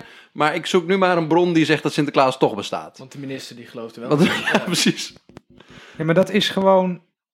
Sorry, maar dat, ik heb ook wel eens een stukje van de miljoenennota mogen schrijven. Dat is gewoon wat de opdracht. Dit is het beleid. Eh, Lul het maar recht. Glorificeer het een beetje met wetenschap. Ja, dus, het- dus de wetenschap is niet belangrijk, maar het gaat uiteindelijk gewoon om wie heeft de macht en wie bepaalt en wat doen dan vervolgens de ambtenaren. Ja, en dat is eigenlijk deze, jouw punt. Al deze schitterende inzichten die jij net noemt eh, van al die machtige instituten. Sorry, maar dat is allemaal tien jaar te laat. Het is, eh, het is, het is, het is bizar dat ze daar nu pas, eh nu pas die dat bocht ben ik, ben ik met je eens. Maar het is toch lijp dat we überhaupt aan de ambtenarij zijn overgeleverd om met dit soort ideeën, met dit soort ideeën te ja, komen. ja, klopt. Daar hebben we, Ik bedoel, het moet vanuit de DNB komen, het moet vanuit het CPB, I mean, van alle instituten die er zijn, moet de vernieuwing met al het respect voor het CPB, maar dat is toch echt niet waarvoor ze zijn. Waar zijn in godsnaam onze politici op dit debat? Ik heb hetzelfde met die arbeidsmarkt, dan wordt er zo'n commissie in het, weet je wel, die hele arbeidsmarkt is verkloot. Die is gewoon helemaal, ja, laten we eerlijk zijn, die is internationaal gezien is die in Nederland gewoon verkloot. Mhm. Dat weten we al lang. En dan moet er uiteindelijk een ambtelijke commissie die echt heus goed werk hebben geleverd, moeten dan met oplossingen gaan komen. Ik vind dat echt een politieke taak. Het was niet eens een ambtelijke commissie. trouwens. Oh nee, dat is waar. Het was een speciale eh, excuus. Het was niet eens een ambtelijke commissie. Nou, dit is voor de fijnproever. Ja, ja, ja, ja, ja. Nee, maar goed, dan moet er dus een neutraal, tussen aanhalingstekens, neutrale groep komen die dat dan gaat oplossen. Maar het is gewoon een politieke vraag. Het is, Eigenlijk is er ook een soort oproep van politici, maak politiek. Ja, natuurlijk. Ja, maar Ja. in Nederland vind- doen politici vooral dingen die gedepolitiseerd zijn. Dus dan moeten alle adviesorganen moeten het ook zeggen. Er moet allemaal doorgerekend zijn. En heel de polder moet mee. En ja, dan gaan de politici het ook doen. Dat is een als, beetje de hoe het werkt. centrale bank, als de centrale banken ons moeten gaan redden. Ja, ik vind het prettig hoor. Ik vind het fijn dat het gebeurt. Maar het lijkt me toch echt de verkeerde volgorde eerlijk gezegd. Ja, ik ben dan, dan ben ik, dan word ik toch zijn. nog een beetje negatiever. Oh nee. Want, eh, Het kan altijd erger hoor, als je met Randy in de studio zit. nou ja, maar goed, eh, als ik gewoon eh, de krant lees, dan, dan, dan, Telegraaf. dan, krijg, dan kan ik maar één conclusie trekken.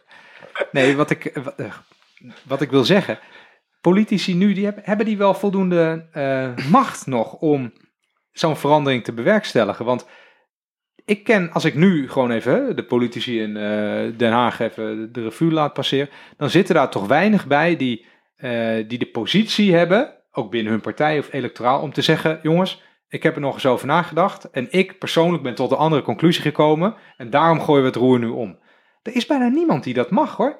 Want iedereen eh, is aan het regeerakkoord gebonden. Je moet toch wel een hele grote mevrouw zijn of meneer eh, om eh, daarvan af te mogen wijken. Ik kan ze niet noemen. Terwijl als ik nu, als je terugdenkt aan tijden dat nog wel eens wat gerealiseerd werd uit de politiek, had je mensen die zaten daar gewoon twintig jaar. Die waren twintig jaar minister van Financiën of zo. Ja, dan denk ik dat je op een gegeven moment in je tiende jaar wel eens een keer iets, iets durft te doen wat je zelf vindt. Hè? Snap je? Ja, ja, ik Stilte. denk- Ja, we- weer, Goed punt, ja. Randy. Ja. Nou, ik denk dat het nog wel zou kunnen bestaan, dit soort eh, figuren. Maar dat we ook een, een systeem hebben gecreëerd waarbij de consensus vaak het hoogste doel is. En waarbij politici, net als vaak bestuurders, eh, risicomijdend zijn gaan acteren. En wat jij net beschrijft is het grootste risico om je eigen achterban te verliezen. Door te zeggen, jongens, ik heb eens even nagedacht. In Nederland houden we niet van leiders die zeggen, jongens, we gaan de koers omleggen. Waarom? Omdat ik de slimste ben. Dat is niet, eh, wij, wij houden van geleidelijke transitie door middel van het langzaam veranderen van de, van de publieke opinie. En iedereen moet een beetje meegaan. Dat is het consensusmodel. We gaan zijn- geen transitie meer zeggen. Hè? Dat vorige keer ook al gezegd. Transitie, dat mogen we niet meer zeggen. Oké, het woord Dat veranderings. gewoon mag gewoon niet meer. Oké. Ehm, dus dat, daar houden wij niet van. Dus het, het moet allemaal gestaag gaan. En bij leiders hebben we het liefste dat ze precies roepen wat we eigenlijk al dachten. Ehm, en ja, het, past dus ook niet helemaal bij de Nederlandse cultuur. Maar ik, ik, we hebben al vaker ook in onze podcast er tegen, eh, tegen geageerd... dat je in Nederland ook geen cultuur hebt van een, een hoogstaand publiek debat. Van denktanks, van, van ideologen die kranten volschrijven... En, en, en een serieus debat met elkaar aangaan. Het gaat heel snel over, oké, wie is de leider... en wat maakt de eigenschappen van die leider competent om iets te gaan fixen. Terwijl we nu, nu we drie kwart jaar voor de verkiezingen zitten... zou je juist een super ehm, eh, inhoudelijk debat moeten hebben. Oké, we zitten in de grootste crisis sinds de Tweede Wereldoorlog. Welke inhoudelijke veranderingen in hoe we de maatschappij hebben georganiseerd, zouden wij nu voorstaan? Ehm, maar, maar in tegenstelling daartoe sta- staan de kranten al twee weken vol over of ehm, eh, Hoekstra het wel gaat doen of niet gaat doen. Trouwens, wie maar? Hoekstra niet. Er staat hier een fles rode wijn. Wie maar het Dit wet moeten we even goed, eh, dit moeten we wel even noemen. We hadden Ja. een langlopende weddenschap over wie eh, de pikkenstrijd Al- al binnen echt het twee twee jaar zou winnen. De jongen Mona Hoekstra. ook mee, hè? Mona kan nog steeds winnen. Ja. Alleen eh, wat we wel al constateerden, dat jij had verloren, want Hoekstra ligt eruit. Dus eh, alleen ik kan nog winnen, wat dat betreft. Had jij... Zou, wat- Ik zei ook de jongen. Dat, Oh, oké, ja. dat kan je, valt na te luisteren in de podcast. Ehm, maar nee, bij waar ik naartoe wou is dat zelfs wij, we doen er dus aan mee, we hebben het over die poppetjes. Over die, dat spelletje van die partij en wie daarboven komt drijven om te vertellen wat we reeds weten. Want dat staat al vast, want de ideologie van die partij is bekend.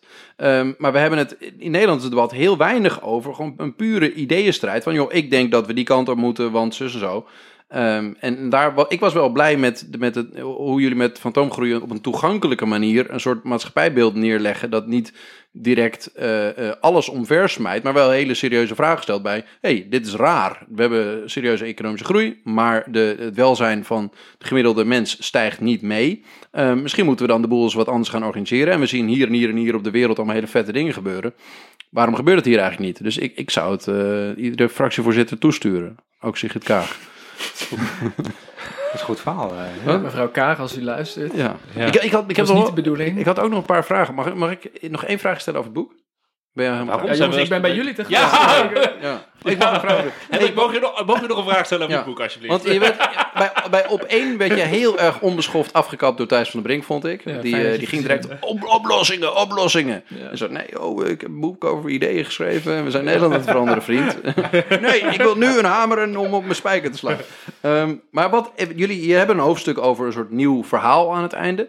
En wat ik een heel, eh, jullie beschrijven daar ook de voorbeelden van, van hoe Uber en Airbnb als platform als het ware een soort, ehm, eigenlijk helemaal niet iets heel innovatiefs doen, maar toch de macht van een bepaalde sector naar zich toe eh, eh, trekken. En daar, daar werd ik heel enthousiast van hoe jullie beschreven dat in steeds meer steden een soort van coöperatieven ontstaan. Jullie zien eigenlijk ook de coöperatie als een mogelijke ehm, oplossing. Misschien kan je een beetje uitleggen wel hoe, dat, hoe de coöperatie eruit zou kunnen zien als een, eh, een, een, ja, een verandering van het verhaal rond onze fantoomgroei. Ja.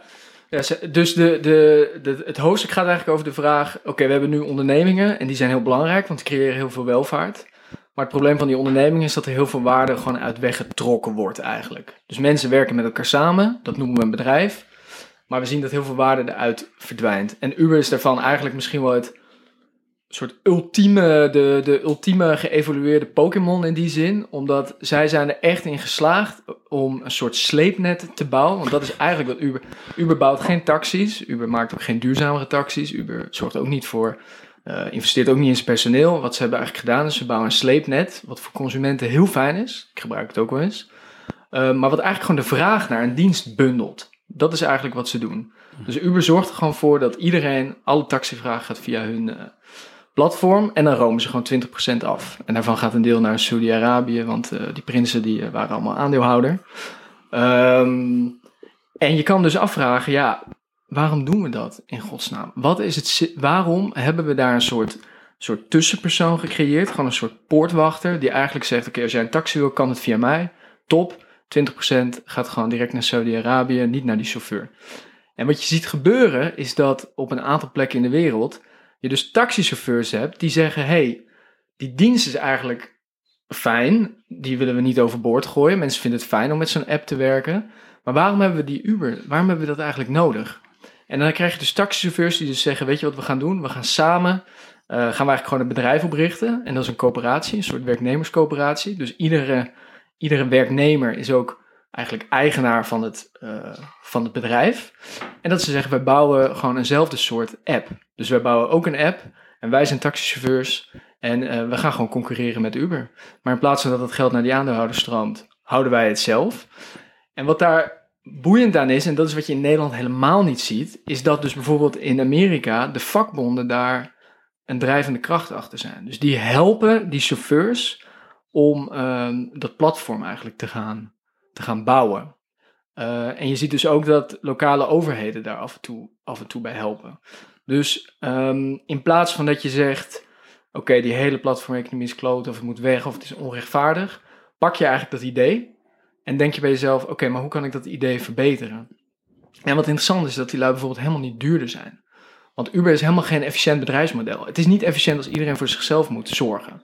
Elke onderneming weet dat als jij een verzekering moet afsluiten, dat het fijn is als je dat collectief doet. En niet als iedereen. Dat is gewoon qua risicoverdeling niet Ja, maar je hebt, gewoon, je hebt ook gewoon schaalvoordelen. Uber is gewoon relatief heel duur. Het probleem is alleen dat we wenten, ze wentelen het allemaal af op hun chauffeurs. Eh, en dus doordat die coöperaties samenwerken, kunnen ze samen verzekeringen afsluiten, samen het onderhoud van hun auto's regelen, samen, nou ja, ga zo maar door. Dus ze zijn, het is best wel een goede propositie. Het probleem is alleen, eh, hoe word je niet uit de markt gedrukt door zo'n enorm monster? En daar helpen dus die lokale overheden een beetje bij. En wat ik daar een mooie les uit vind, is dat je dus gewoon ziet, we zijn niet overgeleverd aan het ene model.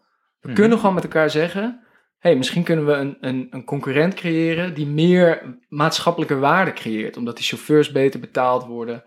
Ehm, alleen, dan moeten we daar wel, dat komt niet uit de lucht vallen. Dus we moeten daar dan wel met elkaar voor kiezen. En je hebt ook dan dappere bestuurders of politici of vakbonden nodig, die zeggen, laten we dat met elkaar gaan bouwen. Maar als je nu, wat je, ik ben het met je eens, hè? wat je nu zegt, even nog een keer terug naar woorden. Jij zegt, ehm, eigenlijk wordt arbeid wordt uitgeknepen door Uber. Dat is eigenlijk wat je zegt. Je zegt het is een soort groot monster waar je dan niet, waar je niet mee te concurreren valt. En arbeidsgeschiktheid zijn eigen collectief samen moeten doen. Dat denk je toch gewoon, maar dit is toch gewoon de overheid. De overheid moet gewoon arbeidsmarktregelgeving eh, neerzetten. Die moet gewoon marktmacht reguleren. Die moet gewoon allerlei dingen doen waardoor eh, zo'n normale situatie eruit komt. Want uiteindelijk gaat het gewoon om de vraag: wil je dit allemaal toestaan? En vind je het goed dat al het geld eruit geknepen wordt en naar eh, één monopolist gaat, namelijk Uber? Dat is hier, dat is hier de vraag. Dus ik, ik, ik ben het helemaal met je eens. Tegelijk denk ik dus gewoon heel groot falen van, van, van politiek en ambtenarij. Maar dat kijken naar de overheid, dat is misschien ook wel een beetje eh, lui, wat er vaak op de linkerkant gebeurt. Want Waarom?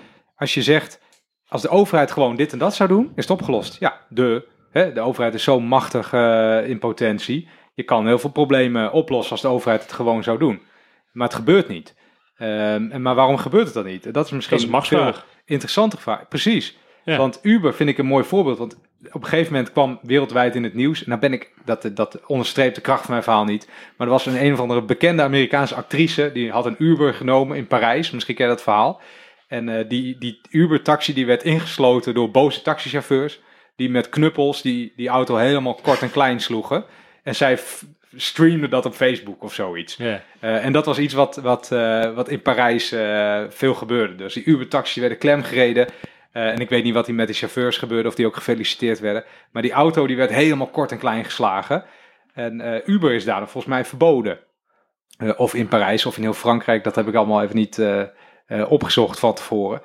Maar dat soort acties, ik zie de FNV dat nog niet doen. Hè? Nee. Maar het is wel, het spreekt bij mij wel tot de verbeelding. Ja, Uber is slecht voor je. Je bent taxichauffeur. Je hebt een licentie gekocht. Hè, het is je beroep.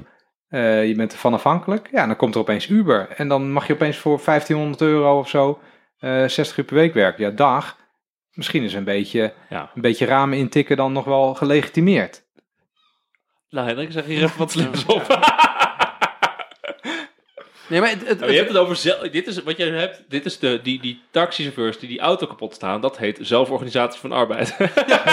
en die doet het dan hartstikke goed. En dat een Franse overheid dan zegt: we, we blokkeren of we verbieden gewoon Uber. Dat heet dus regelgeving door een overheid. Dus er valt hier van alles wat voor te doen. Het enige probleem is gewoon dat in Nederland blijkbaar de factor kapitaal, om het echt heel ouderwets te houden, hebben, gewoon veel te veel macht heeft. Op zowel eh, dat hij dus de arbeid zich niet meer eh, eh, organiseert. En dat blijkbaar eh, de regelgeving er niet komt. In Nederland gaan we zeggen: oh, we moeten regelgeving hebben. Waardoor nieuwe innovatieve diensten als Uber Ja, daar wel binnenvallen. Wij vonden Uber lekker. Ja, dat gaan wij doen, hè? Henk Ja. Kam vond Uber echt gewoon lekker na de vorige crisis. Booking.com vond hij ook gewoon lekker. Dat ze waren allemaal...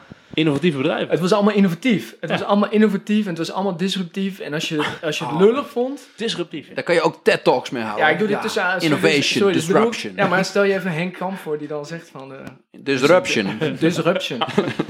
en, dus, dus, en als je dan daartegen was, dan, dan was je ook gewoon een beetje een loser. Tegen de nieuwe wereld. Ja, maar dat Ja. heeft toch ook alles te maken. Ook dat heeft alles te maken met macht. Hè? Dus tussen EZ en de Malitoren zit, zit een tunnel, zeggen ze vaak. Ja. En jullie in het boek noemen jullie het een Nou, je kan draai. gewoon de straat oversteken hoor. Ja. Maar dat, eh, Of een draaideur noemen jullie het. Dat er heel veel uitwisseling is, ook tussen het bedrijfsleven en en de departementen waar het beleid over dat bedrijfsleven wordt gemaakt. Ja, moet, moet je niet. Ja, hoe, creëer, hoe creëren de taxichauffeurs of andere beroepsgroepen, hoe creëren die die, die invloed nou? Ik vind dat in Nederland is, is men zo slap op dat vlak. Je ziet, je ziet en, en nu, is het, nu is het geweldig opgeschreven in dit boek. Iedereen voelde al aan zijn water. Er worden ergens worden wij afgetapt of zo. Hè? We- Die, die waarde die wij creëren, die, eh, die, wordt, die wordt ons afgenomen. Ergens. Maar je doet, als je nooit staakt of zo, als je niks doet, dan gebeurt er dus ook niks. eh, denk ik. En dat vind ik ook wel, dat, dat spreekt mij in Frankrijk altijd wel aan. Daar komen gewoon, dat, dat trekken ze de knuppel uit de achterbak. en dan gaan ze los.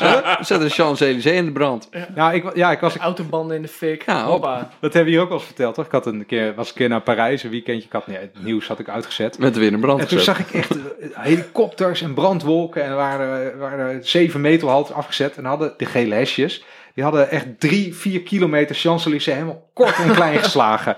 Schitterend. Toen dacht ik wel, jeetje, nou, maakte wel indruk. Nou, maar de- ik wil dan toch daar wel even... Ik moet bekennen, mijn vriendin is Frans. Dus misschien dat mijn huivering voor het Franse temperament ook komt door... eh, Persoonlijke ervaringen thuis. persoonlijke aftuigingen thuis. Ehm, maar, kijk, die gele hesjes... eh, als je toch... De, ik moet jou dan toch denk ik gelijk geven. Die gele hesjes kwamen natuurlijk voort uit het feit dat Macron zei... ik vind het eh, milieu heel belangrijk. Weet je wat ik doe? Ik verhoog de accijnzen op eh, brandstof. eh, natuurlijk ook opgeschreven. En de, bela- de belasting op vermogen, die schrap ik trouwens ondertussen. Ja. En al die Fransen op het platteland, wat best wel arm is... want Parijs is heel mooi, maar Frans, Frankrijk is gewoon een boerenland... Die werden natuurlijk gewoon genaaid. Want die moesten alles met hun auto doen en dat schoot niet op. Als we nu even, nou, de Champs-Élysées in de fik en eh, dat liep natuurlijk allemaal inderdaad ook al uit de hand. Maar twee jaar verder, Macron heeft een soort burgerparlement ingesteld van 150 mensen. Die mogen allemaal ideeën aandragen. En die doen dus nu ook allemaal voorstellen over een verplicht referendum, over eh, andere manieren zeg maar, om die groene transitie te maken. eh, veel meer burgerdingen. En hij heeft van al die dingen gezegd, ik ga ze uitvoeren Mhm. uiteindelijk heeft dat geweld er wel degelijk toe geleid, daar heb je wel gelijk in, dat die mensen wel, en dit is geen oproep om Nederland in de fik te zetten, maar dat die mensen wel gehoord zijn en dat er wel wat, wel wat veranderd is. Dus je moet op een gegeven moment wel van je laten horen om iets te veranderen. Dat, ik denk dat je daar wel gewoon gelijk in hebt. Nou, ik, ik, wil ook nog één ding, waarom ik het ook zei, was wat gaaf is aan die, wat jullie zeggen over die, die platformen waarbij Uber, waar, waar dus iets afgeroond wordt, waar dus eigenlijk je als arbeider gewoon genaaid wordt, doordat alleen de vraag gebundeld wordt, maar hetgeen je levert aan arbeid, daar word je gewoon op uitgeknepen.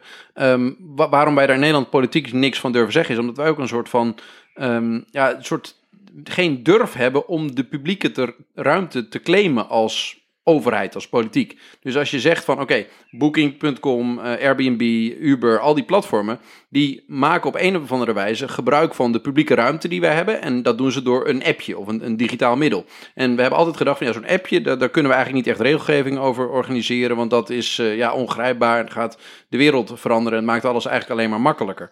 Maar doordat het dat makkelijker maakt, heeft het één een monopoliserende werking. En twee, je krijgt geen grip meer op wie iets in een stad mag fixen.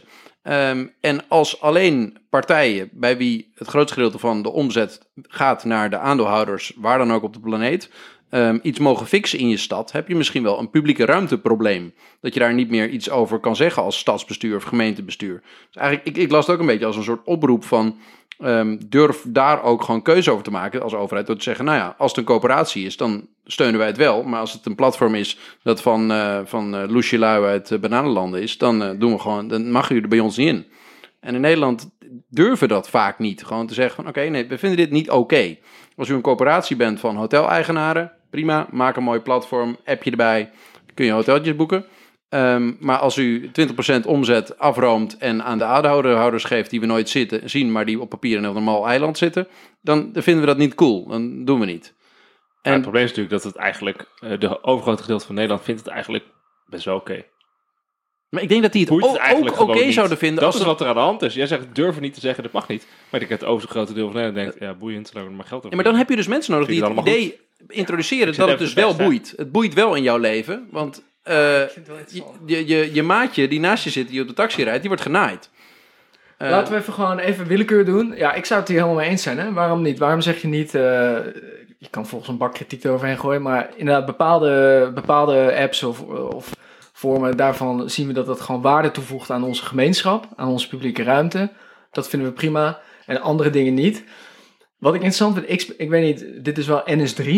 Ehm, maar ik spreek een aantal mensen die ik sprak over Uber, die zeiden ook over van ja, ja, ik las het over Uber, ja, daar ben ik ook wel mee eens. En eh, ja, want ik, ja, ik geef wel altijd fooi hoor, als ik met een Uber rij. Ehm, want dat kan dan ook via die app. Dan kan je ook fooi geven aan je chauffeur, zeg maar. En toen zei ik van, en, dat doe je dus uit een soort beetje schuldgevoel. Ja, ja, echt toch. Dat toch. zeg ja, dat is toch eigenlijk raar dat je dan met een taxi rijdt, maar dat jij dan het gevoel hebt dat je wel fooi moet geven, omdat je anders wel denkt van, anders is hier niet echt een eerlijke transactie aan de hand, zeg maar. Dus ik denk dat mensen ergens heus wel voelen dat, volgens mij voelen mensen wel, oké, hier klopt iets niet. Ehm, maar ik geloof niet zo in dat hele, dat echt individuele consumenten dan het verschil gaan maken. Ik denk dan toch wel, ik wil heus niet alles bij de overheid neerleggen. Maar ik denk dan wel dat er wel echt een soort dwingende handtocht nodig is. Maar ik heb wel het gevoel dat ja, mensen het wel voelen. Ja, dat, dat, dat, dat is volgens mij de kracht van dit boek. Dat Ja.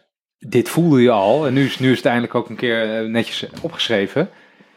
Ehm, ik, ik moet wel denken, jij, jij zei net, Wouter zei net, ehm, waarom verbieden we als stad dan niet hè, dat ene platform bijvoorbeeld?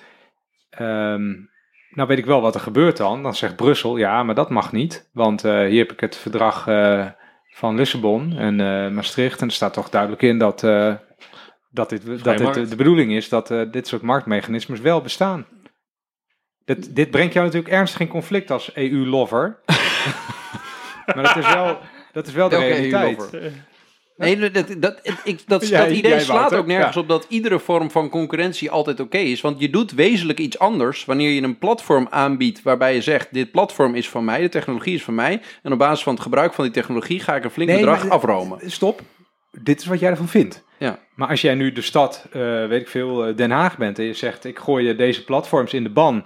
Ik gooi Deliveroo in de ban, want dat vind ik slecht voor mijn restaurants. En ik ga zelf een andere app opzetten en dat is de enige app die je mag gebruiken. die dat aan het doen zijn. Er zijn steeds meer steden die keuzes maken in eten-bestel-apps die zeggen: Deze mag niet meer. Ehm, Omdat daar eh, geen goede arbeidsomstandigheden voor de fietsers worden geregeld, waardoor ze permanent allemaal botsingen hebben. Eh, steeds meer. Amsterdam heeft ook die, die stepjesbedrijven, hebben ze de hele tijd buiten de stad gehouden, omdat, ze, omdat die stepjesbedrijven niet de dataprijs willen geven van ehm, waar die dingen allemaal zijn, wat die dingen ermee mee doen. Ehm, en de, de, de consensus wordt, is daar ook, en daar haakte ik erop aan, omdat ik dacht van, hé, hey, dit, dit hebben ze ook heel goed begrepen, is daar aan het veranderen dat je als land of stad of regio eigenlijk ook een verantwoordelijkheid hebt om bepaalde marktmodellen wel of niet in je publieke ruimte toe te laten. En er soms ook van durven zeggen van nou, wij vinden het fijner als het een coöperatie is waarbij het gedeeltelijk eigendom is van de mensen die het werk doen. En niet de hele boel eigendom is van een technologiebedrijf met eh, alleen maar eh, eh, aandeelhouders die we nooit zien, die geen enkel belang hebben bij onze publieke ruimte.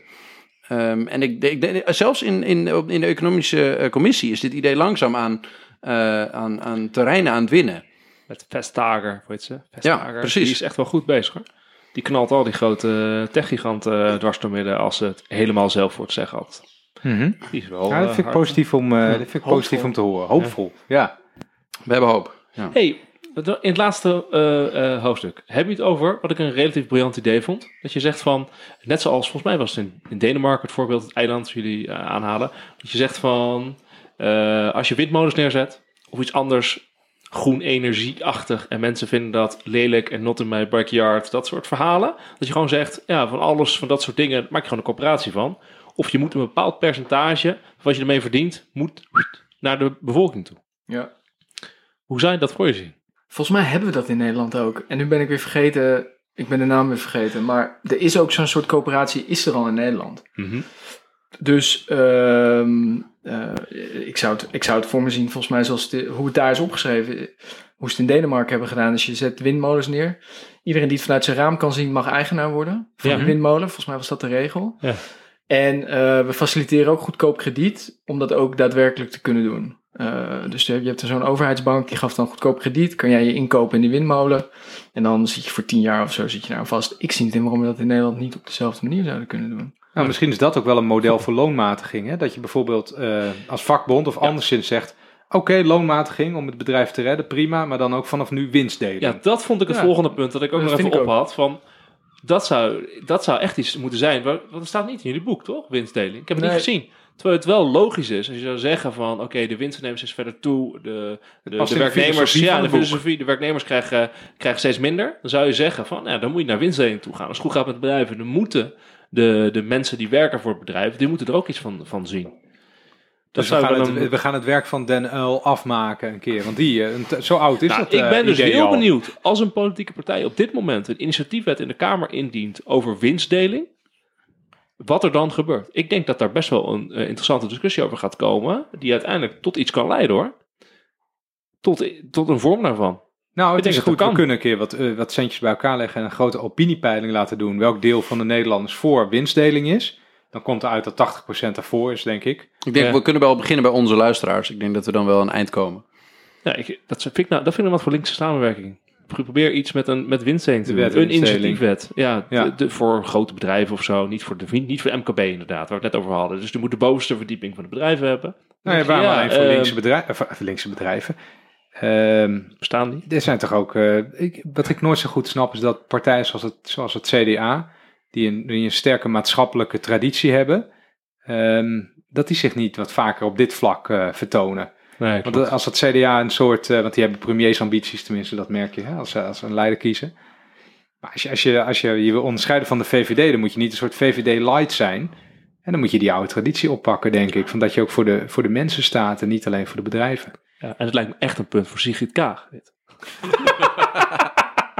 Maar ik, weet dat, ik, weet dat veel, ik weet dat veel Kamerleden deze, deze eh, kleine podcast luisteren. Maar van Sigrid Kaag eh, geloof ik het nog niet. Maar misschien als, horen, horen, we, horen we ons binnenkort echoen in haar, eh, in haar toespraken. Hey, Hey boy, even Oh. nog een laatste vraag. Eh, mijn persoonlijke ervaring met dit soort eh, boeken en bronnen lezen die jullie hebben gelezen, is dat je dat heel als je dat heel vaak leest, dat je dan steeds ietsje radicaler wordt.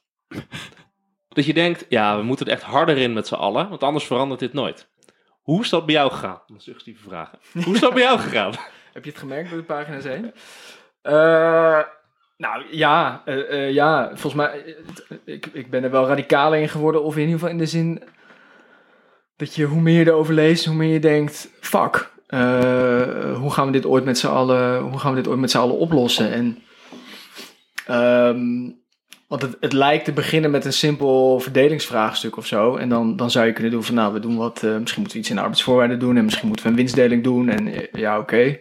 Maar hoe diep je erin wegzakt, hoe meer je erachter komt dat, dat gewoon ook hoe erg die machtsverhoudingen verschoven zijn. En ehm, hoe, hoe dat binnen die bedrijven veranderd is. En als je nog een trede dieper gaat, dan denk je, ja, moeten we eigenlijk wel met die economische groei bezig zijn? Dan moeten we misschien met andere dingen bezig zijn. En als je dan nog een stapje zet, dan kom je ook heel erg aan de klimaatkant van het verhaal terecht. En als je daar komt, wordt het echt eh, wordt het donker. Ja. Vind, vind ik zelf in ieder geval. Ehm, en je moet toch uiteindelijk proberen om met kleine stapjes dingen beter te maken. Dus volgens mij moet je in je ideeën radicaal zijn. En in het debat ook radicaal zijn. Maar ja, uiteindelijk de revolutie, ja, die kunnen we wel afkondigen. Maar... Dus ik vind die balans vooral heel moeilijk. Van, dat je denkt, oké, het moet echt helemaal anders. Hmm. Maar tegelijkertijd, ja, eh, in maart zijn er verkiezingen. Hmm. Daarna gaat Nederland niet 180 graden draaien of zo. Dus, dus hoe, hoe hou je de spanning tussen die twee? Nou, gewoon heel hoog inzetten en dan hopen dat je een klein beetje wint. Toch? Dat hopen lijkt je me de bal een beetje de goede kant op schoppen. Dat, als je dat heel vaak doet, dan heb je een goal, zeg maar. Maar je wil een Dus beetje op de balans we even geen gekkie zijn. Ja, en eh, dat denk ik, ja. Dat geen gekken willen zijn, maar zo geen, niet te veel teleurgesteld worden. Want heel vaak hoog inzetten en dan het niet Ja. krijgen, daar kan je ook heel gedemotiveerd van raken. Ja. Ehm, Ja, je, dat- moet, je moet een soort actieplan hebben voor, wat is de lange termijn. Het eerste Zoals, stapje op die eh, hele lange, lange weg. En dat, blijkbaar op een berg gaan zitten met elkaar. ja. Ik weet niet, ik zou nu eigenlijk... Ja, volgens mij, je moet niet teleurgesteld. Ik denk dat dat het allerbelangrijkste is. Mhm. Ik had hier altijd een hele fijne Obama-quote voor, maar die ben ik even vergeten. maar dat lijkt je altijd zo lekker eloquent. Maar ehm, ik denk dat dat echt het allerbelangrijkste is. Want teleurstelling... Hele fijne Obama quote. Dan weten we ook weer hoe Hendrik zich voorbereidt zo'n podcast. en wat quotes inlezen. Grapje. grapje. Uh, maar ik ben niet zo snel teleurgesteld. Dat moet ik er wel ook echt bij zeggen. Ja. Ik denk echt van, eh, daar, daar heb ik echt een hekel aan. Weet je, je uiteindelijk gaat het stapje voor stapje. Ehm, ja, en, en, en, en is het eerste stapje volgens mij in maart 2021. Ja. En dan, dan moet er echt wat gaan gebeuren. En ik ben wel heel benieuwd hoe die verkiezingsprogramma's eruit gaan zien nu. En eh, ja, daar gaan jullie ongetwijfeld ook een aflevering aan wijden. Maar als dat zeg maar de same old shit wordt wat er straks allemaal uitkomt, dat zou ik wel... Nee, dat Weet gaat niet gebeuren. Dat gaat niet, het wordt, wordt- ze worden echt anders. Daar ben ik heilig van overtuigd. En Ja? ik denk dus nog even, winstdeling jongens. Het is toch raar dat we nu een- echt op een periode zitten, maandenlang, waar we dus met z'n allen, collectief als land, zeggen, ja, al die verliezen van die bedrijven, die pakken we even met elkaar. we, ja. betalen we even hoor. Hop, hop, staatsschuld Ja. omhoog. Tuurlijk, iedereen zegt, er zit ook werkgelegenheid aan. Klopt. Maar straks als het weer goed gaat, krijgen we dat geld er weer terug. Doen we dan ook aan de winstdeling of doen we nu alleen aan verliesdeling met heel de samenleving? Ja, Dat vind ik een hele interessante Het vraag. was allemaal Dus het onzichtbaar is- blijkbaar, maar er bleek een heel stelsel van sociale zekerheid voor bedrijven bleek te Ja, bestaan. dus dan mogen we straks ook iets afspreken met elkaar. Als het weer goed gaat, dat we met z'n allen het geld terugkrijgen. Het Ja. liefst de werkende mensen. En dat moet je keihard opeisen. Want anders dan gaat dat natuurlijk niet gebeuren zometeen. Ja. Dat klopt. Dat gaat niet gebeuren uit eigen initiatief Nee. of coöperaties of iets dergelijks. Ik denk Daar niet heb je dat gewoon Mark een wet Rutte nodig. dat straks gaat zeggen van... Hé hey jongens, eh, ik heb een cadeautje voor jullie. Nationale winstdeling. Dat gaat natuurlijk gewoon niet gebeuren. Dus, dus dat, dat zul je wel echt moeten opeisen. Ja, nou, volgens mij een stichtelijk woord. Goed aan het einde van eh, eh, deze aflevering. En we Gaaf, wachten op, de- ja, gaaf. We wachten op initiatieven van Sigrid Kaag hierover op dit gebied. Ik, ik hoop dat alle fractievoorzitters dit boekje gaan lezen. Heb je het ook aan de politie toegestuurd?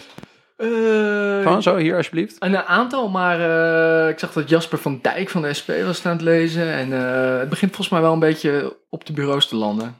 Maar ik zou ook graag zien dat ze het gewoon kopen. En het liefst bij de betere boekhandel. Oké, bij je lokale boekhandel. De lokale boekhandel als het even kan, ja. Mooi. Ja, misschien is dat inderdaad ook van onze kant nog een goede laatste oproep. Koop het boek Fantoomgroei van Sander Heijnen en Hendrik Noten, die hier zit. Hartstikke bedankt. Dankjewel. En eh, Dankjewel. wellicht eh, tot de volgende keer. En ook voor de luisteraars. Bedankt. Laat een review na eh, op Apple Podcasts. Abonneer je. Stuur het linkje naar je moeder. Dank voor alle vragen. Ja, die Dat doen we de volgende keer wel. Die wilde, die, die wilde precies dit weten. Oh, wat goed. Wout Wout heeft gefixt. Mooi, mooi, mooi. Ik wou het net zeggen. Goed, bedankt voor het luisteren en tot ziens.